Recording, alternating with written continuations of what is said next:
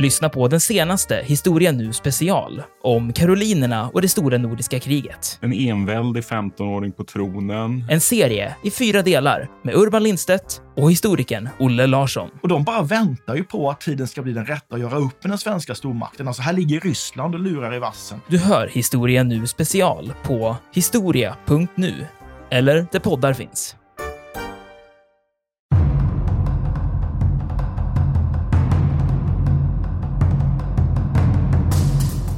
Och det som sker då, det är ju han Baltzar von Platen som, som kommer in och föreslår att vi ska då flytta ner fokus till egentligen Mellansverige.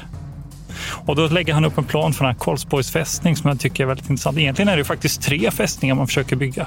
En i södra eh, Vättern och en i norra.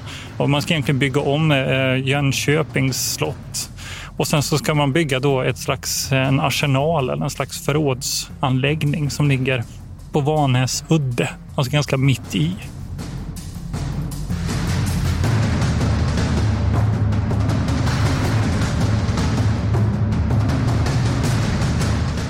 Militärhistoriepodden är podden om krig med människor och samhället i fokus. Programledare är Martin Hårdstedt, professor i historia vid Umeå universitet och Peter Bennesved, doktor i idéhistoria. Podden ges ut av förlaget Historiska Media Stöd gärna MH-podden via vårt swishnummer 123 610 76 68. Märk betalningen med MH-podden.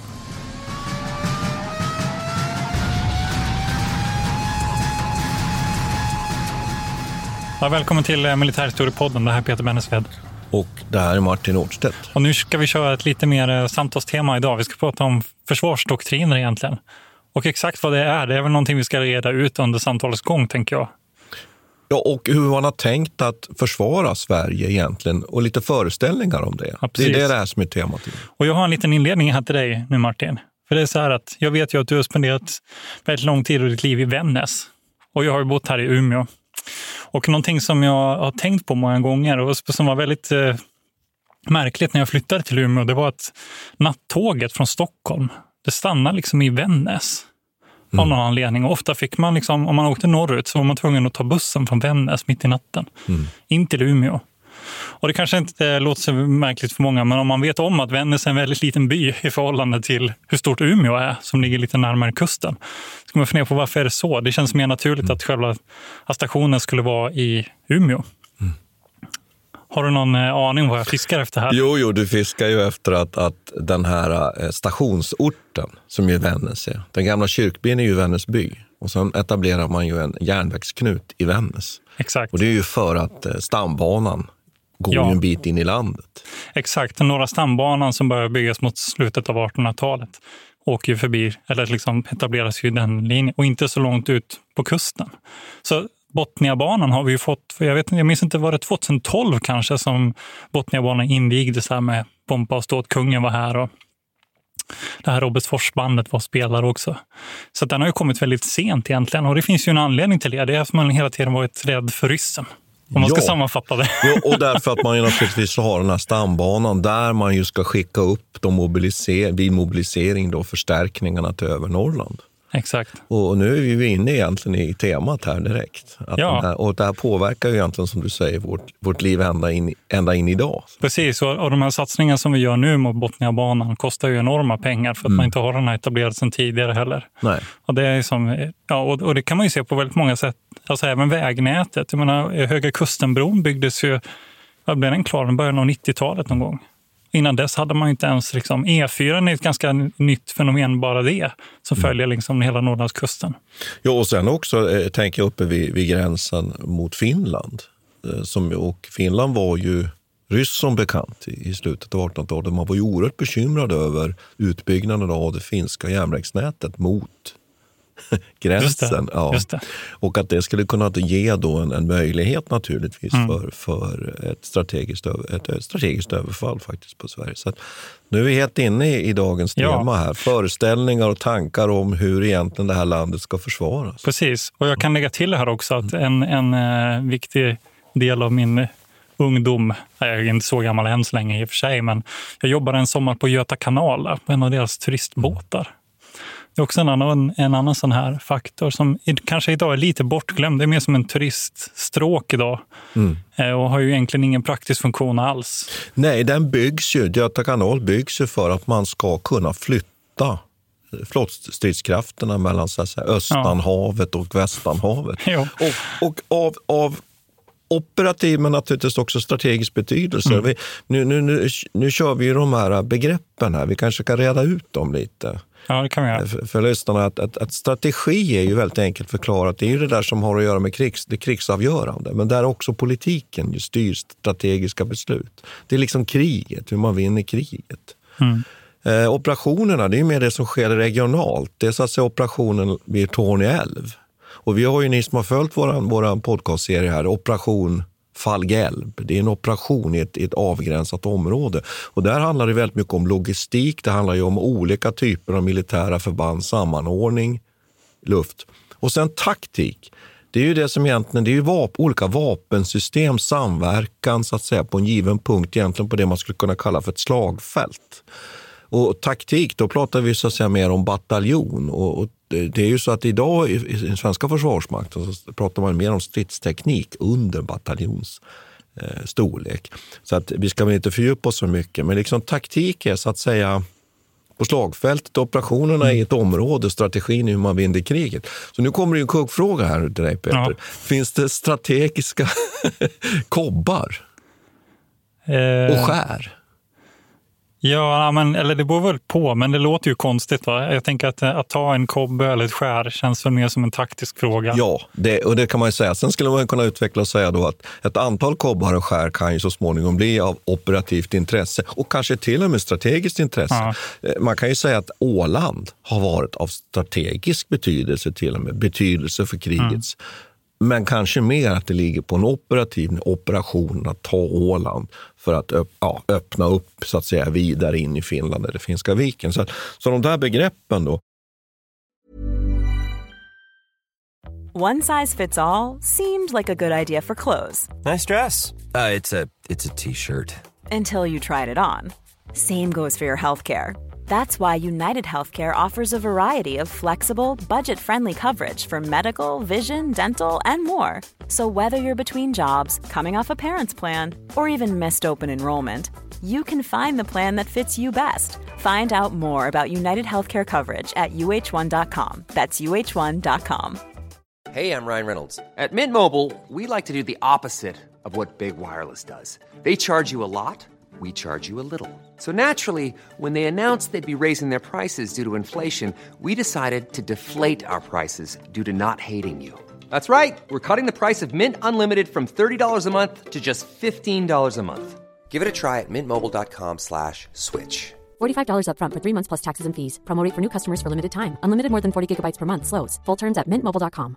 Quality sleep is essential. That's why the Sleep Number Smart Bed is designed for your ever evolving sleep needs. Need a bed that's firmer or softer on either side? Helps you sleep at a comfortable temperature? Sleep Number Smart Beds let you individualize your comfort so you sleep better together. JD Power ranks Sleep Number number 1 in customer satisfaction with mattresses purchased in-store. And now, save 50% on the Sleep Number limited edition Smart Bed for a limited time. For JD Power 2023 award information, visit jdpower.com/awards. Only at a Sleep Number store or sleepnumber.com. Jag tycker vi ska börja gå tillbaka och fundera lite kring att när Sverige kommer till som rike och vi har stormaktstiden, eh, vad hade man för tankar och hur, hur formulerar man det här? Det fanns ju inte någon, några eh, militärakademierna kom ju på slutet av 1700-talet. Eh, man sätter sig inte ner och skriver stora dokument och policydokument. Idag kan man ju hitta så att säga, Försvarsmaktens doktrin. Eh, just det, och det är också intressant att veta är, vilka stora liksom förändringsfaktorer Ja. är det egentligen som driver på de här. Både liksom inhemskt, det, alltså geopolitiskt, men också vad som är tekniskt och vad som är, är inflytande från, från andra tänkare ute i Europa. Ja, och var på. Och då kan man väl säga att under stormaktstiden skulle man väl kunna säga att där har vi ju någon form egentligen av, av doktrin att vi ska egentligen försvara, försvara riket genom att föra över kriget på motståndarens område. Det ser vi på 30-åriga kriget till exempel. Eller vi försvarar riket i, i, i, i, i randområdena. Och vi har alltså en armé vi kan flytta då över havet, en stark flotta. Och det är det som händer i inledningen av stora nordiska kriget till exempel. Där, där landstiger vi först till Själland, sen flyttar vi till Baltikum och sen ger vi oss in i Polen och sen går det åt helvete i Ryssland, men det är en annan historia. Men, men att där finns en sån idé om en rörlig fältarmé och, och så vidare. Det ska man kunna uppfatta som en doktrin, alltså ett sätt att tänka, mm. riktlinjer för säger man ju säkerhetspolitiskt handlande, säger man idag. Mm. Eh, och det är väl så kunskaper och föreställningar som på något sätt leder till ett praktiskt handlande. Och den, de är inte så välformulerade vid den här tiden. Nej, precis. Jag tänker att det är någonting som vi har pratat många gånger om, det är det här med logistik också, hur man understödjer de här arméerna. Mm. Det måste ju ligga jättemycket i bakgrunden här också, att man, att man vill inte ha sin armé på sin egen mark. Då utarmar man ju sin egen ekonomi. Det måste finnas en liksom poäng med att hela tiden förflytta den till nya områden utanför sitt eget, av rent liksom praktiskt ekonomiska skäl. Då. Och föra över så att säga, den där krigsbördan då, ja. på motståndarens område istället och föra kriget där. Så det kan man väl, skulle man väl kunna kalla för en form av doktrin egentligen. Eh, sen kommer vi lite längre fram och det tycker jag är spännande. Under 1700-talet så brukar jag prata om, om det finska försvarsproblemet. Eh, det är jag väl inte ensam om, men men det brukar jag också prata om under 1900-talet. Ja, okej. Okay. Men vad bra, då är vi inte... Fast jag antar att det är liksom det är lite olika. Precis. Men, och det jag menar med det finska försvarsproblemet, och det finns ju till och med de som menar att hela det här 1700-talet, hela det här problemet, ångesten över hur ska vi försvara den här östra riks delen som ju, som ju ligger så illa till med, med närheten med Sankt Petersburg som ju etableras i början av 1700-talet, så småningom blir huvudstad något årtionde senare. Eh, och där man ju ser ryssarna kasta lystna blickar på den här södra delen av, av det vi idag kallar för Finland. Och hur ska vi försvara det här området? Mm. Och då har man ju olika alternativ. och där kan man, dels, dels försöker man ju med revanschkrig, som ju går väldigt illa. Men sen kommer vi till det där som du har varit inne på, det här med tekniken då plötsligt. Då bestämmer man sig för att nu finns det en teknisk lösning på det här. Och då kan man, kan man säga bara så här väldigt kort att i det katastrofala kriget, revanschkriget man sätter igång på, på 1740-talet som avslutas 1743, då, som brukar kallas för hattarnas alltså ryska krig, faktiskt 1741-43. Då mister man ju den här fästningsgörden längst ut i östra Finland. För det tar och annekterar, får då eh, Ryssland en del av sydöstra Finland. Och gränsen kommer att gå vid Kymmene älv och det är en bit in i, i, i, dag, i dagens Finland. Och då bestämmer man sig, hur ska vi göra nu här? För då har man ett problem och man är kanske också lite rädd för att eh, de som lever i Finland, framför allt eh, i de högre skikten, liksom nu börjar tvivla lite på Sveriges förmåga. Då börjar man bygga en stor fästning, Sveaborg. Du nämnde mm. ju Göta kanal här. Mm.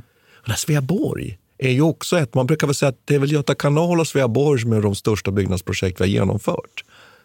Ja, i Sverige, om man räknar mm. om det moderna medel. Så att jag brukar skämtsamt säga att den där Öresundsbron är som en en liten västanfläkt jämfört med de här ja. jätteprojekten. Och då satsar man ju på den där fästningen som ska vara en förrådsfästning och som ska kunna då hantera också en skärgårdsflotta som utvecklas då för att kunna slåss i den här speciella skärgårdsmiljön. Och då har man plötsligt liksom ett, ett militärtekniskt koncept här och vi har ju pratat om den här skärgårdsflottan mm. i tidigare avsnitt och även Sveaborg. Det tycker jag är spännande och då finns det väl just något sorts tänkande som omsätts nu i praktisk handling. Mm. Och då ska man väl kunna kalla att det där är någon sorts doktrin man har. Att om det där ryska anfallet kommer, ja, då ska man hålla fästningen och så ska man låta fältarmén retirera upp, skapa ett djup. Och sen ska man då helt enkelt motanfalla när vattnet går upp. Men varför pratar vi om det, varför pratar vi om det här som doktriner egentligen? Eller vad, jag menar, de här människorna som, som satt och planerade det här, mm. De var väl relativt ointresserade av just begreppet doktrin? Ja, det var de ju. Ja, men det är ju en efterkonstruktion. Ja, ja precis. Ja. Ja, men liksom varför, var, och då, då blir ju följdfrågan på det. Då. Varför blir det så viktigt att sätta den här för det är som du säger tidigare här i programmet, mm. att, att eh, de här krigsvetenskapsakademierna bildas ja. ju först senare. Ja, de kommer ju, de kom ju egentligen här på slutet av 70 Så det, precis, det måste ju komma ett, mm. i samband, det här doktrinbegreppet måste ju komma upp i samband med någon slags förvetenskapliggörande av krigskonsten. Så är det. Och det är upplysningen och det är alltid, mm. det är precis, och, och att Napoleonkrigen är så oerhört betydelsefulla och där är ju också de här militärteoretikerna Jomini och Clausitz börjar formulera idéer och tankar om hur krigen ska föras och att liksom försöker strukturera upp vad är det här för någonting? Och där Jomini är ganska teknisk och mm. hittar lagar som en kokbok. Och Clausewitz, man kan säga så här, slå upp. Eh, om man ska anfalla nu en, över en älv, då gör man så här, säger Jomini. Ja. Medan Clausewitz säger så, nej, men så där kan vi inte tänka, vi måste vara som ett, ett fint ord här nu. Herman Eftisk. Alltså att vi, vi, vi, vi, vi kan handla eh, olika utifrån de givna förutsättningarna. Liksom det så, så säger ju Clausewitz så, så när vi kommer fram till älven här så har vi utbildat den här befälhavaren. Han är så skicklig och förstår själv och kan avläsa och krigets fiktioner pratar han ju om. Att allt det här som händer och ställer till det. Och det är ingen idé att ha de här planerna som Jommen i Mm. Utan att, att och det kommer ju det där tänkandet att försöka förstå det här. Det utvecklas ju sen så småningom under 1800-talet eh, och vidare. Och det där är en väldigt spännande period egentligen, för då, sett, då blir det ju plötsligt... Och där, där kan man ju börja prata tycker jag, om att man mer, mer skulle ha, ha doktriner mycket tydligare.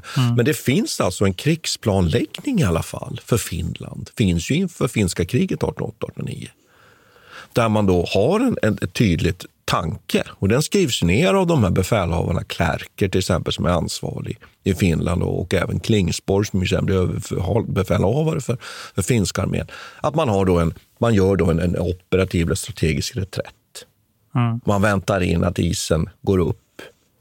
Man håller Sveaborg. Och sen med Sveaborg som brohuvud så ska man liksom trycka och klämma ut ryssen ur Finland genom att hota ryssens underhållslinjer och sådär. Så visst finns det ju liksom ett, ett, ett tänk, tänk, ett, ett tänk där. Och, men då är vi så pass långt framme. Eh, och sen händer ju väldigt mycket under 1800-talet, eller hur? Ja, precis.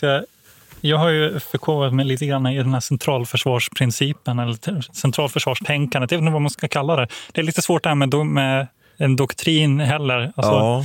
Men det som händer här är ju att eh, vi blir av med Finland Ja. 1809.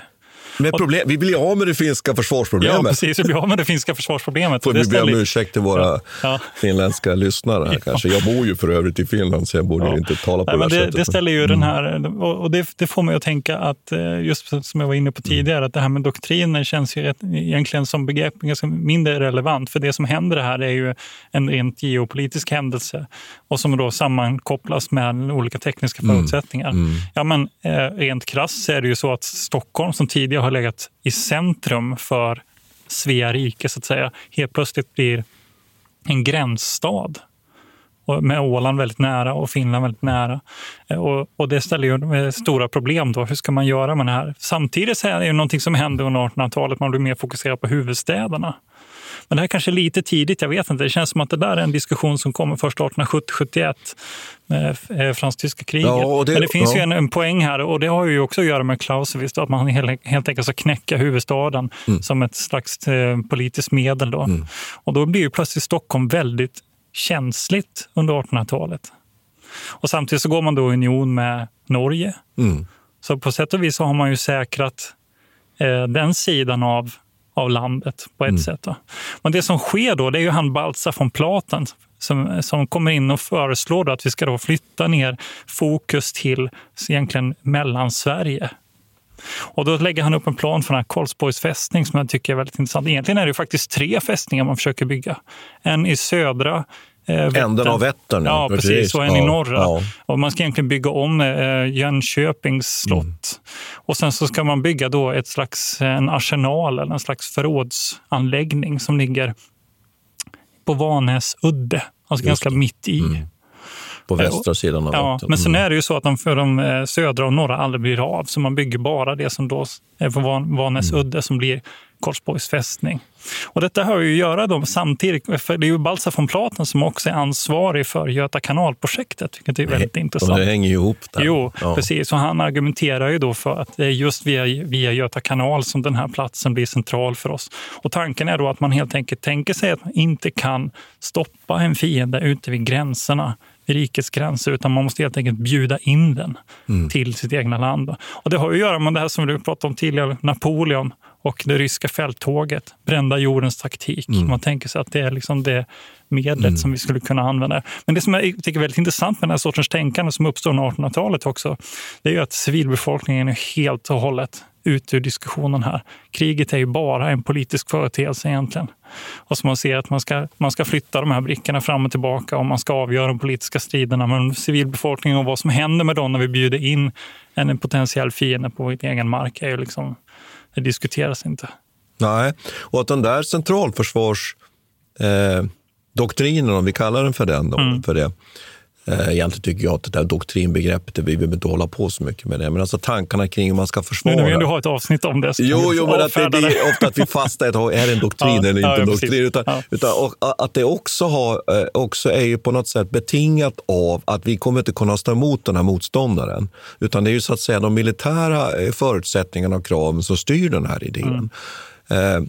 Och Det är ju väldigt fascinerande med den här enorma fästningen som man ju börjar bygga, som ju alltid är omodern, som man ju brukar säga. Därför att den, det är ju, det är ju, nu börjar ju den här enorma teknikutvecklingen med artilleriets genomslagsförmåga eh, och där ju fästningarna blir, blir obsoleta och gamla ganska snabbt. Och att man ju där också, det kan man ju lägga till, att det här är inte, också bara, inte bara en plats för, för, för, för så att säga, ett last stand eller en försvarsstrid, utan, utan där, dit för man ju också regeringen och guldreserven och alltihopa detta. Där ska ju så att säga hela det svenska eh, Precis. Alltså garnisonskyrkan ska ju, kunna in, ska ju kunna inhusera hela riksdagen. Ja, precis. Och att, att, det tycker jag är så fascinerande. att man då ska låta det här då, ryska anfallet, får vi mm. förmoda, då, eh, tappa sin fart då, så att säga, i de mm. småländska skogarna. Eller så att säga då. Och det har att göra då med att man tänker sig att Stockholm har liksom blivit alldeles för känsligt egentligen ja. för, för... Och jag vill kommentera det där. Du, sa, du säger att det där tycker jag är så fascinerande att vi ska komma ihåg att det här svenska riket har en väldigt sån maritim prägel. Men den här svenska huvudstaden väldigt lämpligt placerad mitt i riket. Mm. Och att riket är ju orienterat på den här axeln så att säga lite mer Stockholm, Åbo, Viborg. Va? Och det försvinner ju helt när Sverige mm. blir så att säga Lill-Sverige 1809. Och då ska vi också komma ihåg, tycker jag, vi kan lägga till här, att, att vi rekryterar ju till Sverige en fransk militär marskalk, Jean-Baptiste Bernadotte, som kommer till Sverige och ser på ett helt annat sätt på, på, på det här svenska geopolitiska problemet. Han säger vi ska inte ha Finland, för att göra det enkelt här nu. Eh, därför att vi kommer kastas in i, i, i strider och, och, och konflikter med Ryssland hela tiden. Det kan vi i längden inte vinna. Han uttrycker det så här väldigt tydligt. Mm. Utan han ser den skandiska halvön. med Norge som så att säga det här, eh, geo, den, Sveriges naturliga gränser om man uttrycker så. Vi har ju använt det begreppet lite tidigare, vi har pratat mm. om Frankrike, det här med re, att uppnå re. Och, så han ser ju på det här helt på ett mer så att säga, känslolöst sätt.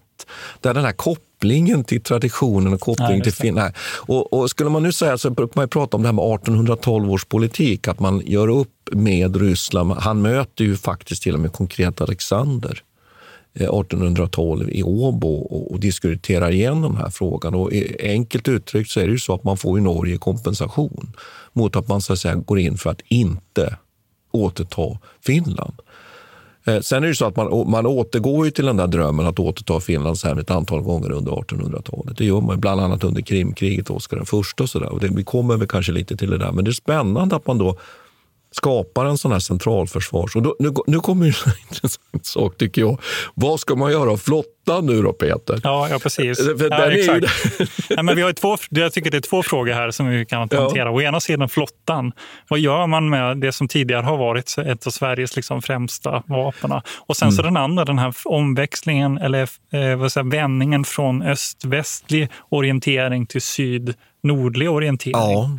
Det är ju rätt märkligt då i ett sånt läge. Att, att Sverige roterar så att ja, säga. Sverige roterar ja, och samtidigt är man helt ointresserad egentligen av den norra delen. Ja, inledningsvis då här under 1800-talet. Ja, För nu befinner vi under första hälften av 1800-talet. Exakt, här. då har vi ännu inte rälsen och de här sakerna. Nej. Nu är det bara Göta kanal egentligen som definierar den huvudsakliga liksom, kommunikationsrutten mm. mellan Göteborg och Stockholm. Så där är ju två, så här, vad sker förändringen där nu då? Vad är det som gör att man helt plötsligt orienterar sig senare i ett senare skede?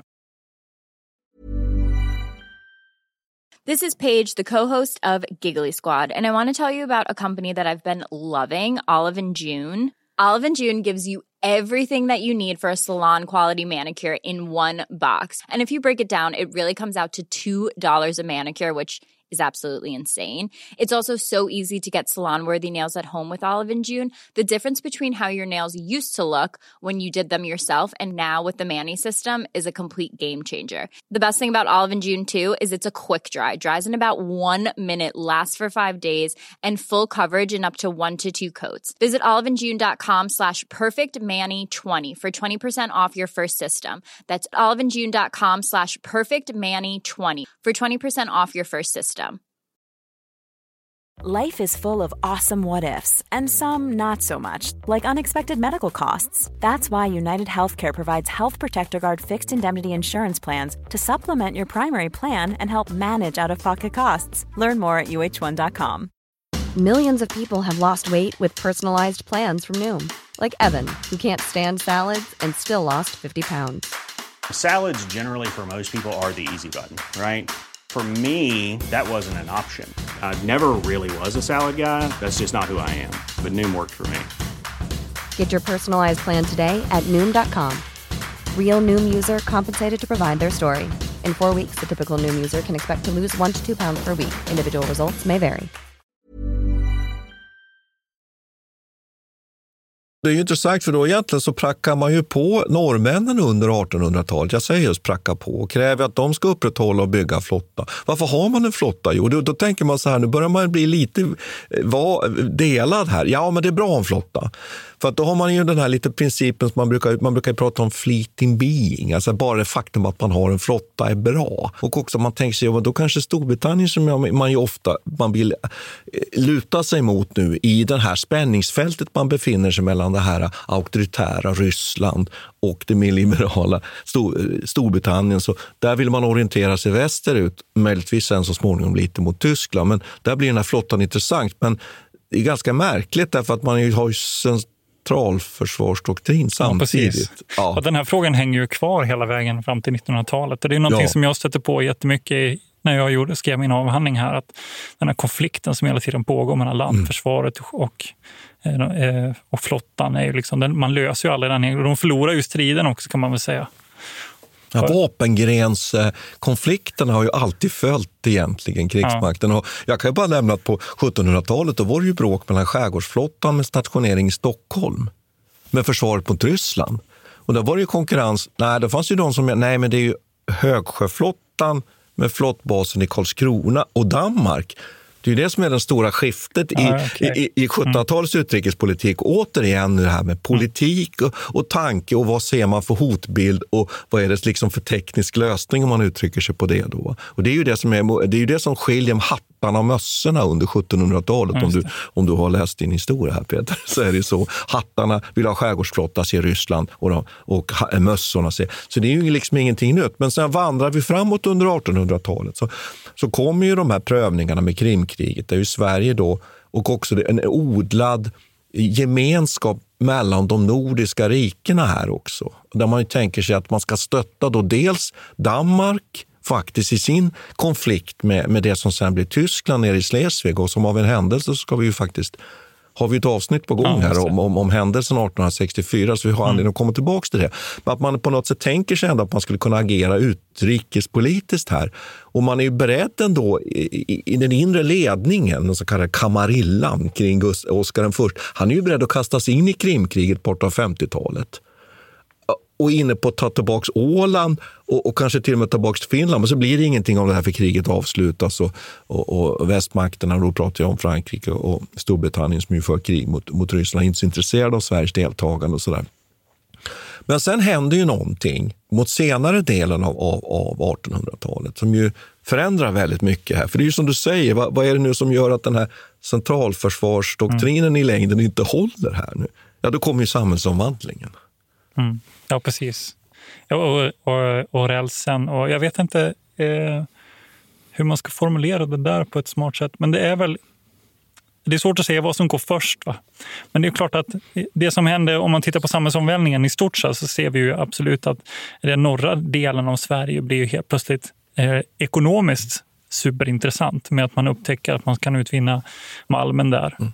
Eh, och den uppflyttningen av folk som sker, en slags mm. kolonisering av hela Norrland. Men det är ju industrialiseringen helt ja, enkelt, som i Sverige. Och det sitter ihop. Mm. Och, det, och då blir ju den delen av riket väldigt intressant och det är också viktigt att försvara den. Mm. Så mot slutet av 1800-talet så, så lämnar man ju, om man tittar på vilka befästningar man ja. gör, så lämnar man ju centralförsvarsdoktrinen ganska rejält. Va? Och man bestämmer redan 1925 egentligen att Karlsborgs fästning eh, inte, inte längre ska användas. Men däremot så bygger man ju Bodens fästning. Mm. I slutet av 1800-talet? Ja, 1900 ja. jämt faktiskt. Ja. Och sen är den klar 1916. Ja. Och det blir Norrlands lås. Ja. ja och, och då har vi också Norra stambanan börjar bli klar. Och det var där, där, där vi inledde. Det sätts ju igång 1866 tror jag och byggs färdigt 1897. Mm. Kommer den upp, upp till Boden egentligen. Mm. Så då har man liksom täckt in, då har man byggt in hela norra delen, eller eh, landsändan, i en slags teknisk infrastruktur. Och då blir det ju plötsligt, ja, men då går vi över till ett annat typ av försvar. Också. Men det, samtidigt så ser vi förändringen i andra länder, första världskriget och de här... Eh, Och vilka, ja, jag tänkte Ja. bara, jag tänkte bara sådär, eh, eh, hejda dig lite och, gå- och prata lite om fransk-tyska kriget som vi ja, har haft precis. Jag har varit inne och nämnt det också, för ja. det är ju intressant. Va? Det här med värnpliktsarmén och att man ser Mm. då att det, den, här värn, den preussiska värnpliktsarméns seger visar ju att Sveriges eh, armé är ju fullständigt i bakvattnet. Vi har ju fortfarande en indelt armé. Och att man börjar ju då att växla om den. Och då kommer ju besluten under, under slutet av 1800-talet, 1901 sätts ju den nya härordningen på allvar. Och vi får plötsligt en värnpliktsarmé. Och det är ju någonting väldigt viktigt, för nu har vi ju intressanta saker här. För nu kommer det ju in sådana här, vad ska vi kalla det för? Ideologiska frågor också med medborgarskap, en man, ett gevär, en röst. Vi har ju kvinnlig har vi rö- rösträtt har vi inte förrän 1921, utan det här är ju första steget och männen får ju det 1909 och det blir viktigt i det här nya samhällsklimatet, masspolitikens eh, eh, det samhälle som, som byggs upp med klassamhälle och så vidare.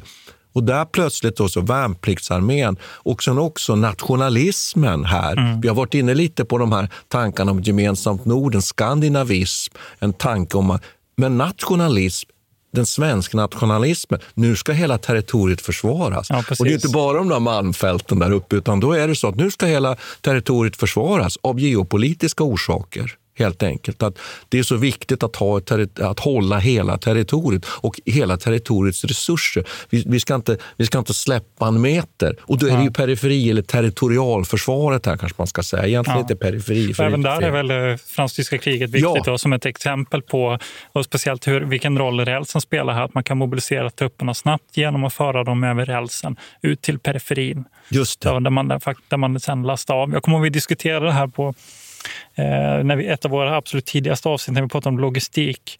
Då vet jag att vi nämnde det här. Van Krevel gör ett, eh, ett, eh, en historiker som heter Van Krevel här gör ett argument om att ett periferiförsvaret eller den typen av periferistrider som sen pågår under första världskriget är liksom en direkt konsekvens av att vi eh, har rälsen och att de, den egentligen når bara ut till gränserna. Men man har inte tillräckligt eller motoriserat eh, logistiken så att striderna blir i princip där rälsen tar slut. När man stjälper av förbanden om man uttrycker precis. sig Och sen så. kan man liksom inte, så försvinner mobiliteten därefter. Och, liksom, eh, och rälsen går från centrum i de här nationerna ut Ja. i Där stjälper man av förbanden. Nu låter ju det här lite banalt. Men, Och där står striden. Och det är ju fransk-tyska kriget. Det är ju sånt just som du säger. Man, där stjälper man ju av ut, de tyska. Och sen inleds liksom operationerna och striderna och faktiskt de här taktiska operationerna till och med. Då, Mm. slag, de, precis vid gränsen. Då kan man ju tycka att det kanske är liksom självklart det att, man, men att det, man hamnar vid gränsen, för det är ju där det gränsar till det andra landet, det är där man konfronteras. Men, men det är intressant att, att Ja, man det är inte så före- självklart givet om hur det har varit på 1600-talet. Nej, nej, nej, okej, det håller jag med om. Ja. Och, och man skulle kunna leka med tanken att man har byggt ihop de här eh, järnvägsrälsen. Då hade man kunnat ta sig ända in i landet. Liksom. Och det Ja. såg ju fransmännen till naturligtvis. Att, det var ju stopp där så att säga. Ja, vi har ju fortfarande olika spår. eh, Det är fortfarande olika spårbädd Ja, uppe vid, vid Tornio. Jag vet inte hur det ser Det finns ju det här legendariska skiftet här i Haparanda någonstans. Jo, jo. Ja, det, så är det. Och det, det har ju eh, det- ja, eh, det, delvis liksom lite med det här att göra, men det har att göra med också att det är olika, helt enkelt olika system som man bygger ut. Men, men det viktiga, att, och nu, nu sa vi ju tidigare att det här centralförsvarskonceptet det byggde ju ändå på någon sorts utgångspunkt i hur vi ska försvara militärt vårt land. Här nu plötsligt så kommer ju det i skymundan. Mm. Utan här är det nu istället ideologin och geopolitiken och nationalism ja, och resurserna. Och då plötsligt så får nu så att säga krigsmakten här bara inordna sig de politiska besluten och helt enkelt se till att försvara hela det här området. Och då byggs ju hela den här, vad ska vi säga, det som man ju sen pratar om, de här fördröjningszonerna då, eh, framför öster om Kalix älv. Och flottan blir i Flottan. princip ersatt med ett kustförsvar också. Ja, egentligen. Om man bygger ut de här kustartillerierna. Ja, som ju är en, en, en, en svensk specialitet. Mm. Och, och vi brukar ju droppa sådana här ämnen och jag känner nu att, att eh, kustartilleriet faktiskt... Ja, men det är spännande. Det, för det, det, finns är, en, det ja. borde vi köra ett Och så finns det en symbolisk eh, symbolisk överföring där och eftersom man, man eh, många av de här kanonerna som man plockar från Ja, skeppen sätter man sen Från gamla kanonbåtar, ja. Precis. Och så, så befäster man så att säga våran kust, men även i såna här batterier som ska kunna så att säga bestryka och, och, och eh, beskjuta de områden som är för att spärra av då uppe i, i Norrland. använder man ju som du säger gammalt eh, eh, artilleri. Och den svenska försvarsmakten står ju väldigt på pappret stark inför för första världskriget egentligen. Det här förvånade mig lite grann. Du droppade den precis innan Ja, du satte igång. Men, men vad menar du ganska- egentligen med det? Annars brukar man ju säga att, eh, att eh, liksom Sverige är alltid otakt. Nej, men man brukar ju säga så att krigsmakten efter 1945 egentligen, efter, eh, Ja. efter andra världskriget. Ja. Är då vi står på höjden egentligen. Nej, men vi har en storhetstid för Försvarsmakten med, med många förband och, eh, inför första världskriget och eh, åren strax efter. Sen kommer ju den stora nedläggelsen eh, under Mm, ja, för, precis, försvarsbeslutet 1925 bland annat. 1925. Ja, och, och, Men menar du då liksom i kvantitativt hänseende? ja, vi har en stor krigsmakt. Eh, och det är ju otal förband som ju sen försvinner i och med beslutet 1925. Så att på något sätt så har vi egentligen, då, om, du, om man pratar om att vi har en storhetstid för, för, för Försvarsmakten under 50 och 60-talet, så har vi också en tidig storhetstid eh, kring första världskriget. Och det är ofta bortglömt att den svenska krigsmakten var ganska stor. Eh, sen kan man ju fråga sig hur duglig den var och hur man hade tagit till sig eh, de nya sätten att föra krig. För det, det ser man ju att även de europeiska arméerna har ju otroligt svårt att hantera den nya vapentekniken. Det behöver vi bara nämna.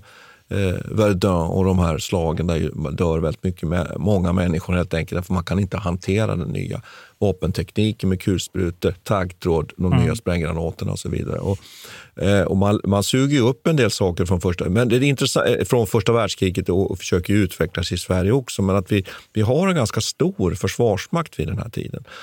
Eh, Men sen händer, jag tycker vi måste ta mellankrigstiden här, för där händer, där, där har vi återigen ett stort skifte. Och jag sa ju nu lite här att den svenska försvarsmakten är alltid otakt. För då lägger man ju ner i stort sett, eh, inte hela försvarsmakten, men man bantar den ju enormt under 20 Ja, jag vet inte. Jag vet inte om jag håller med om... Alltså det är klart att det är en bantning på ett sätt. Va? Ja. Eh, Så är det ju. Men, men man får ju samtidigt en ny försvarsgren. Alltså 1925 så inför vi också flygvapnet. Ja, ja, ja. ja. Och det är ju den som kommer också bli den absolut största, egentligen den mest kostsamma grenen sen. Ja, och kustartilleri och marin och att man börjar så att säga, Mm. sammanföra olika vapenslag här tillsammans. Och samma. Absolut, och, men, men och- där kan man ju säga någonting eh, som är intressant här nu. Att allt det här som vi har pratat om egentligen är ju präglat av en idé om att man har två olika sätt att röra sig. Antingen till fots som längs med marken eller så har man havet. Ja. Det är de, det är de Mm. möjligheterna man har. Men under 1900-talet så får vi liksom en helt ny dimension i Ja. krigföringen. Mm. Och det, är ju, det förändrar ju det här väldigt mycket. De här naturliga gränserna som vi tidigare har nämnt, det är ju, det spelar ju inte någon roll. Man kan Mm. Flyga över berg. roll. Ja, Mm. Nej, precis. Det, det, det, det beror på hur man ser det. Å ena sidan är det ju i, deras, i det här försvarstänkandet eller de här filosoferna som sitter och tänker på hur nästa generations krig ska vara. För dem kanske, kanske de här gränserna inte spelar någon roll. Man tänker sig att man ska kunna föra krig helt och hållet från luften. Men i praktiken sen blir det under, framförallt under andra världskriget inser man ju att vi måste ju också få folk på marken så att säga. Ja. Men, men det här är, förändrar ju också synen på vad territoriet. Och man kan säga att eh, periferiförsvaret blir ju å ena sidan intressant i, det, i den meningen att vi måste försvara oss för, från invasioner. Men samtidigt så, så glider ju också så att säga, de här centrala positionerna, eller så, säga, huvudstaden och eh, liksom viktiga såna här politiska centra inne i landet blir ju intressanta igen på ett helt annat sätt. Och det är ju på, det, på sätt och vis en rörelse tillbaka till centralförsvaret. För man inser att man kan inte hindra flygplanen från att komma in. Nej. Nej. Och jag tänker mycket av pla- krigsplanläggning. Jag tänker på när du sitter och pratar att mycket av krigsplanläggningen, den konkreta pla- planläggningen och, och, och, och så att säga de, de planer man har för, för krigsmaktens disposition och uppmarsch och, och, och, och positioner och opera, op- operativa utgångspunkter. Den är ju som du säger nästan en återgång till, en, till att man säger att de här områdena kommer vi inte att kunna centralförsvara. Och man bestämmer sig för ett kärnområde som ju kanske inte helt överlappar precis med det som man ju hade på 1800-talet, men det är ju kärnområdena i alla fall i Mellansverige. Plus att man tänker sig att försöka hålla då där uppe vid i Norrland. Mm. Och så har man ju olika krigsfall som ju sen utvecklar sig under vidare under kalla kriget när vi kommer dit. Då. Men jag skulle vilja stanna kvar vid att varför avbantar man ner krigsmakten? Det gör man ju också därför att vi är inne i ett välfärdsbygge. Och det här tycker jag är spännande med att när folkhemmet etableras ju egentligen på 30-talet och socialdemokratin kommer ordentligt till makten så har man ju plötsligt ett annat krav. Här kan man inte längre bara göra vad man vill och lägga hur mycket pengar man vill. Men Socialdemokraterna har ju ett, liksom ett pacifistiskt arv. Ja. Och de var ju tidigt emot det här med värnplikt. Det var en Ja. Av deras största frågor under början av 1900-talet. Så det är klart att de, eh, och det är ju Per Albin Hansson själv som sitter i den här utredningen. Han är försvarsminister i det här läget. Mm. Och han är med och driver nedläggningen av, av många av de här. Framförallt är det väl kavalleriförband man lägger ner va? Ja, och det kan man väl säga i och för sig att det var... 1925, ja, ja, Ja. 1925 och det är ju med, med, med rätta då i och för sig. Då. Men, ja. men ja, precis. kunde- Det är det jag tycker lite Ja. så här. Man, eh, på, från borgerligt håll eh, så har man varit väldigt måna om att peka på det här som ett slags, att, man, att Socialdemokraterna Mm. förrådde Sverige. Men det var ju också en kvalitativ höjning som man genomförde. Så det, Mm. det är lite. Men absolut är det intressant det du säger, att det här sitter ihop med ett välfärdsbygge också, ett nytt sätt att tänka. Demokratisering av kriget, kriget överlag som gör att även, ja, nu inser man att även folket måste ha en röst i vilken typ av krig vi ska bedriva. Och det är ju det Socialdemokraterna egentligen, eller vänsterkanten kommer in med under den här tiden. Det är en av deras största, eh, vad ska man säga, bragder genom den politiska liksom, tidiga karriären. Sen tycker jag vi kan nämna också faktiskt att tidigare ju, under, under, före första världskriget så är ju faktiskt försvarsfrågan tillsammans med tullfrågan en sån där klass, de klassiska Mm. stora politiska stötestenarna. Och där man ju från borgerligt håll och bland annat från, från bonde, bondehåll, om jag uttrycker mig så, är ju uppbragta över att man inte satsar tillräckligt på försvarsmakten. Vi har ju det här bondetåget och faktiskt Gustav Vs utspel på Borggården som ju ställer till en kris där han ju tvingar till och med ministär att avgå. Det är ju ett brott mot parlamentarismen som ju direkt har att göra med att här menar man att vi har inte ett, ett tillräckligt starkt försvar. menar man. Nu hävdade jag ju ändå att vi hade en ganska stor krigsmakt ändå Mm. den här tiden. Men visst, jag kan hålla med om det där. Sen kan man alltid fundera, vi kommer komma att ha en sån liten diskussion när vi börjar prata lite här om, om så småningom om det kalla kriget. Alltså hur stor krigsmakt skulle vi egentligen ha? Hade vi för stor krigsmakt då? Men det som händer med andra världskriget, om vi bara hoppar snabbt dit igen, den är ju att här upprustar vi ju Mm. Eh, vi, vi, vi lämnar väl, väldigt mycket eh, materiel faktiskt till Finland, så vi har svårt att fullständigt mobilisera vår, vår krigsmakt. Och vi behöver inte egentligen tycka gå in så mycket på idéer och tankar och doktriner man kan väl under säga andra så här- världskriget. Men man kan väl säga så här att försvarsbeslut, försvarsbeslutet 1936 Ja. är ju på något vis en bekräftelse av att flygvapnet är där är där huvudsakliga har kommit för att stanna. Ja. Ja. Och, och det är då man också bygger upp Saab-koncernen och det här och Ja. börjar producera egna flygplan. Mm. Eh, och vi har ju också pratat om Boforskanonen som är liksom den andra eh, janusansiktet Ja. på det här också. Att Ja. man måste skydda sig Och, från och sen, och sen eh, är jag häpnad över att det är jag som nu säger det här, men Mm. sen har vi ju hela civilförsvarsuppbyggnaden och luftkriget och hela Ja. det. Alltså det kommer ju, va? Det så. Va? Eh, eh, jag, tror att du har, jag tror att du har skrivit en avhandling om det här, Peter. jag tror att jag har skrivit en... Men, men det, det, det vi- låter bekant. Det låter bekant, men det, det, det jag tänker med, med, med andra världskriget så speciellt, för där har vi ett tyskt hot och så vidare. Men så kommer vi in i kalla kriget och där måste man ju nu plötsligt i den här nya omvärlden med, med, med Sovjet och, och så småningom Atlantpakten, Nato, att börja orientera sig. Vi kan inte skapa ett, ett nordiskt försvarsförbund. Norge och Danmark har för höga krav de, på sin säkerhet. De ser inte att det skulle kunna ge dem trygghet. Finland tvingas in i en vä- vänskaps och biståndspakt med Sovjet och, och Sverige balanserar och vi bestämmer oss för att fort, fortsätta med vår framgångsrika faktiskt, alliansfrihet och neutralitetspolitik. Men så satsar man på ett väldigt starkt försvar. Och här tycker jag det kommer in en sån intressant sak just att den där att doktrinen där är ju då att skapa en, en form av, av tröskeleffekt under hela kalla kriget. Och Ja, man kan väl säga att det är väl två saker egentligen. Å ena sidan tröskeleffekten. tröskeleffekten, Ja, och sen å andra sidan är det ju att man hela tiden ska hålla linjen öppen västerut. Ja, Så fokus hela tiden hamnar även, återigen i Mellansverige Ja. egentligen och se till så att de här vägarna som går till, över till eh, Trondheim och Mo i Rana till exempel är ju supercentrala i det här läget. Ja, och sen uppfattar jag en annan sak också när du säger det där, att, att man, ska också, att man ska agera och försvara Sverige på ett sätt att man håller områden öppnas så att vi kan få hjälp från väster. Mm. Därför att man, eh, oavsett nu hur man, vad man har för olika krigsfall, så är det så att man gör ju aldrig som det heter någon operativ planering, det att man planerar inte i detaljnivå för, för krigsfall. Man har ju till och med faktiskt ett krigsfall Tyskland. Det är ganska spännande. Och även för det från Nato. Utan det blir ju så att man, man fokuserar ju på det här krigsfallet från öst. Då. Krigsfall 2 tror jag man kallade det för faktiskt.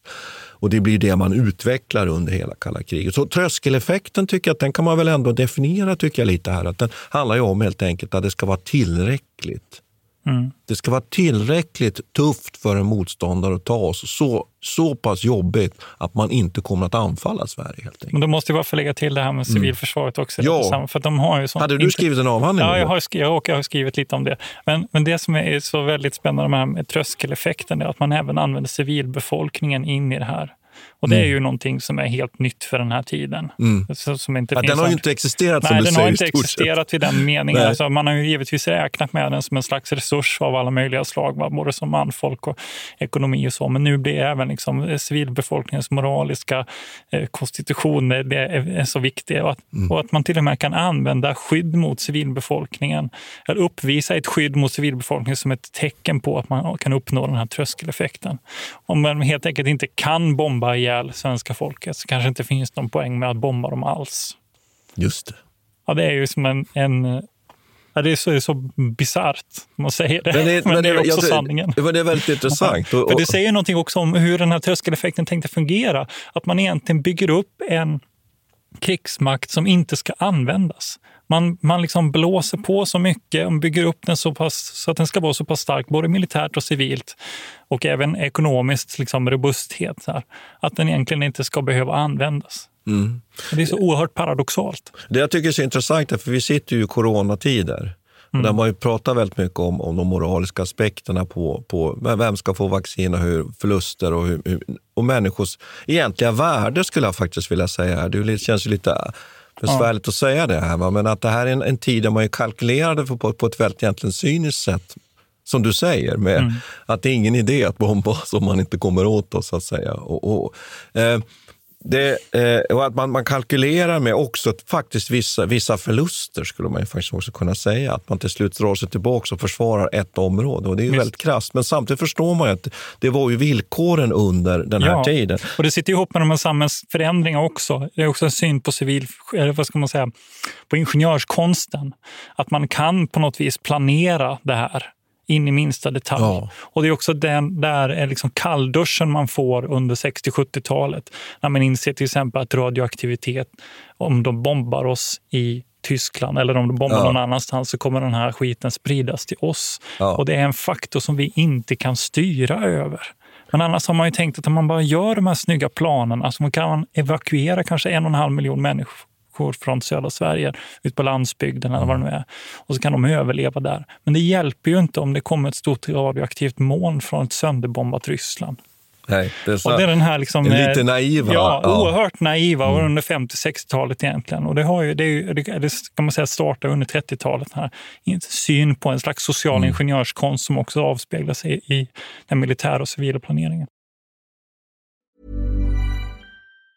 Mom deserves the best, and there's no better place to shop for Mother's Day than Whole Foods Market. They're your destination for unbeatable savings, from premium gifts to show-stopping flowers and irresistible desserts. Start by saving 33% with Prime on all body care and candles. Then get a 15-stem bunch of tulips for just $9.99 each with Prime. Round out Mom's menu with festive rosé, irresistible berry chantilly cake, and more special treats. Come celebrate Mother's Day at Whole Foods Market. Even when we're on a budget, we still deserve nice things.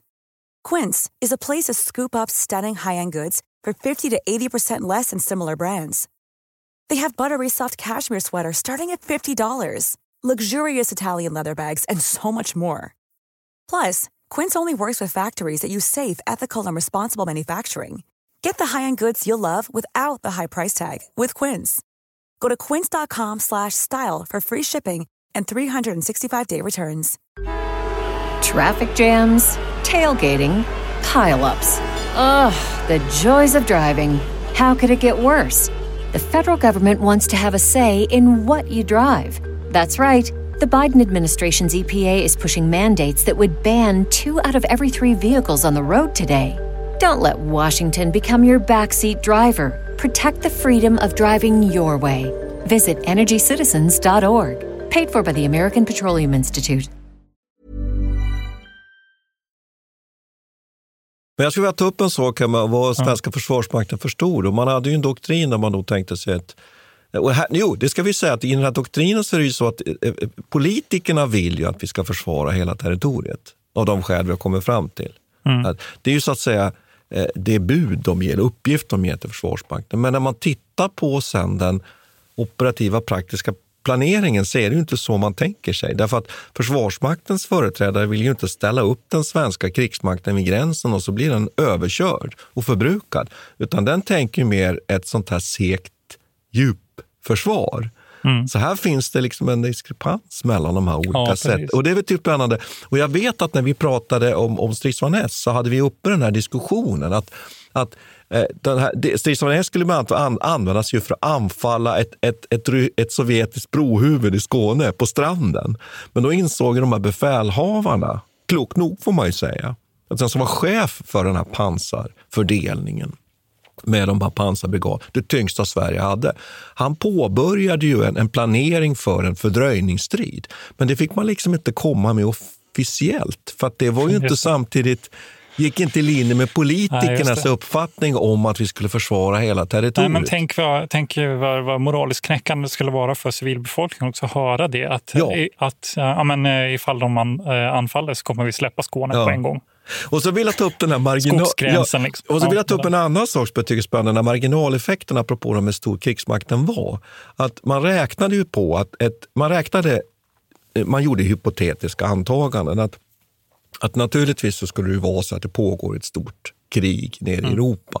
Sverige är bara en andrahands eh, front. Så här mycket kommer den sovjetiska krigsmakten kunna sätta in. Och då kommer man, fram, kom man ju fram till egentligen att den svenska krigsmakten, när man räknar på det här, den var överdimensionerad. Därför att Sov- Sovjet skulle aldrig kunna sätta in riktigt de resurserna. Så att om Sverige kunde mobilisera, vilket vi kunde, 600 000 man, kanske ända, ända upp till 800 000 man, så åtminstone om vi hade en fältarmé på 300 000 man. Det, och då ska man ju tänka sig att, att, att Sovjet skulle nog ändå behöva kanske två mot ett. Och det var liksom nästan det hade de inte haft de resurserna. Så där förde man ju en sån här diskussion och samtidigt kan man ju invända mot den där marginaldoktrinen. Att, ja, men visst, det finns, ju, det finns ju exempel på där motståndarna vunnit som underlägset. Jag säger på Fallgelb. Ja. Tysklands anfall på Frankrike. Jo, och så tänker jag på... på Där är man ju, Ja, bara säga, då är ju, är ju tyskarna Ja. i numerärt underläge, men, men operativt skickliga. Och då tänker man sig att ja, men vi kanske tänker fel här. De sovjetiska krigsmakten är överlägsna oss kvalitativt. Det spelar ingen roll att vi är dubbelt så många.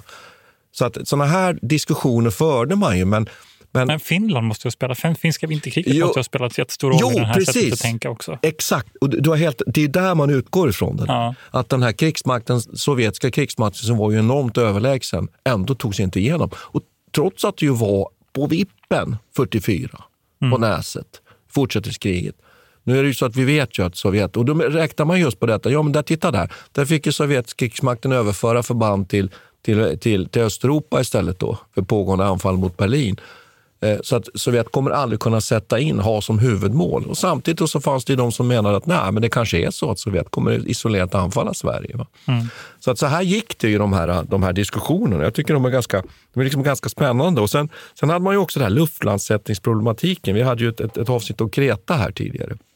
Att det fanns ju en möjlighet, och jag minns ju från min militärtjänstgöring att det var en sån där klassisk uppgift man fick då som småplutonchef, att man skulle kunna liksom hantera en luftlandsättning. Eh, bland annat var ju en sån huvuduppgift. Va? Och också, som du har varit inne på, kärnvapnen här ställde ju till. Då måste man sprida ut förband. Just.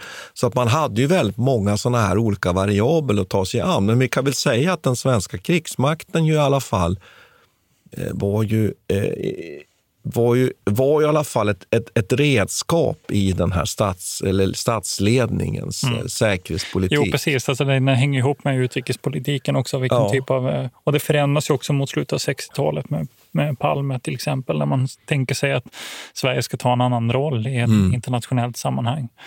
Och det är också då man börjar montera ner Ja, försvaret på nytt. Och det har vi inte nämnt här Mm. faktiskt. Att en, av, en av orsakerna man tänker sig på 20-talet och 30-talet, att man ville banta själva det så säga, fysiska militära försvaret var ju att nej, men nu ska vi jobba istället i- ideellt. Precis. Så att inte, ja, man, inte, precis, man har en förhoppning om att... Nationernas Ja, förbund exakt. och, och avrustning. Och där har vi också, som du säger, att mot slutet av, av kalla kriget så övergår vi Sverige till att mera arbeta mot en sån så här allmän avspänning i världen och att det ska då leda till säkerhet för oss också här i, i, i, i eh, Nordeuropa. Men du Martin, jag tror att vi måste börja runda av nu. Ja, Vi har hållit på här i 48 minuter nu. Ja, men det jag tänkte vi skulle kanske göra är väl att, att ska, vi, ska vi göra så här att vi återkommer faktiskt kanske lite till Ja, det precis. Jag tänker att det är ganska bra läge att sluta här. Ja. För det, det som tar vid efter 70-talet är ju någonting annat. Det är någonting annat och, Ja. där, och där tycker jag att vi skulle kunna ha, göra ett avsnitt som ju faktiskt också handlar om när, när Sverige sen så småningom ställer om sitt försvar under Mm. ett antal år till, till, insatsförsvar, till ett insatsförsvar och hela den diskussionen med kalla krigets slut. Så jag tycker att vi Mm. skulle kunna ta ett samlat grepp kring det men att, och, och lämna nu så att säga den här Ja, situationen det. på 70-talet. Men, men det finns alltså inga strategiska kobbar. Nej. Jag tror att det har vi lärt oss idag. Nej, och jag vet inte, finns det några doktriner också som inte egentligen är sammanflätade med, med liksom, eh, både politik och teknik egentligen? Alltså Nej. det är en slags etikett vi sätter Ja. på saker, men som egentligen är helt betingade av andra Ja, och andra faktorer. Att Ja. det, det, är ett, ett, det, är en, eh, det måste vara, alltid vara en summering och kombination och syntes av en massa Mm. olika saker. Det håller jag med om. Men vi får tacka lyssnarna för att ni lyssnade idag. Mm. Eh, vi återkommer med 1864 och Trauskrig. Det kommer bli grymt. Det kommer bli grymt. Ja. Tack ska ni ha. Tack. Vi tackar Peter Bennesved och Martin Hårdstedt. Kontakta gärna Militärhistoriepodden via mejl på militarhistoriepodden historia.nu. Peter och Martin vill gärna få in synpunkter och förslag till programidéer.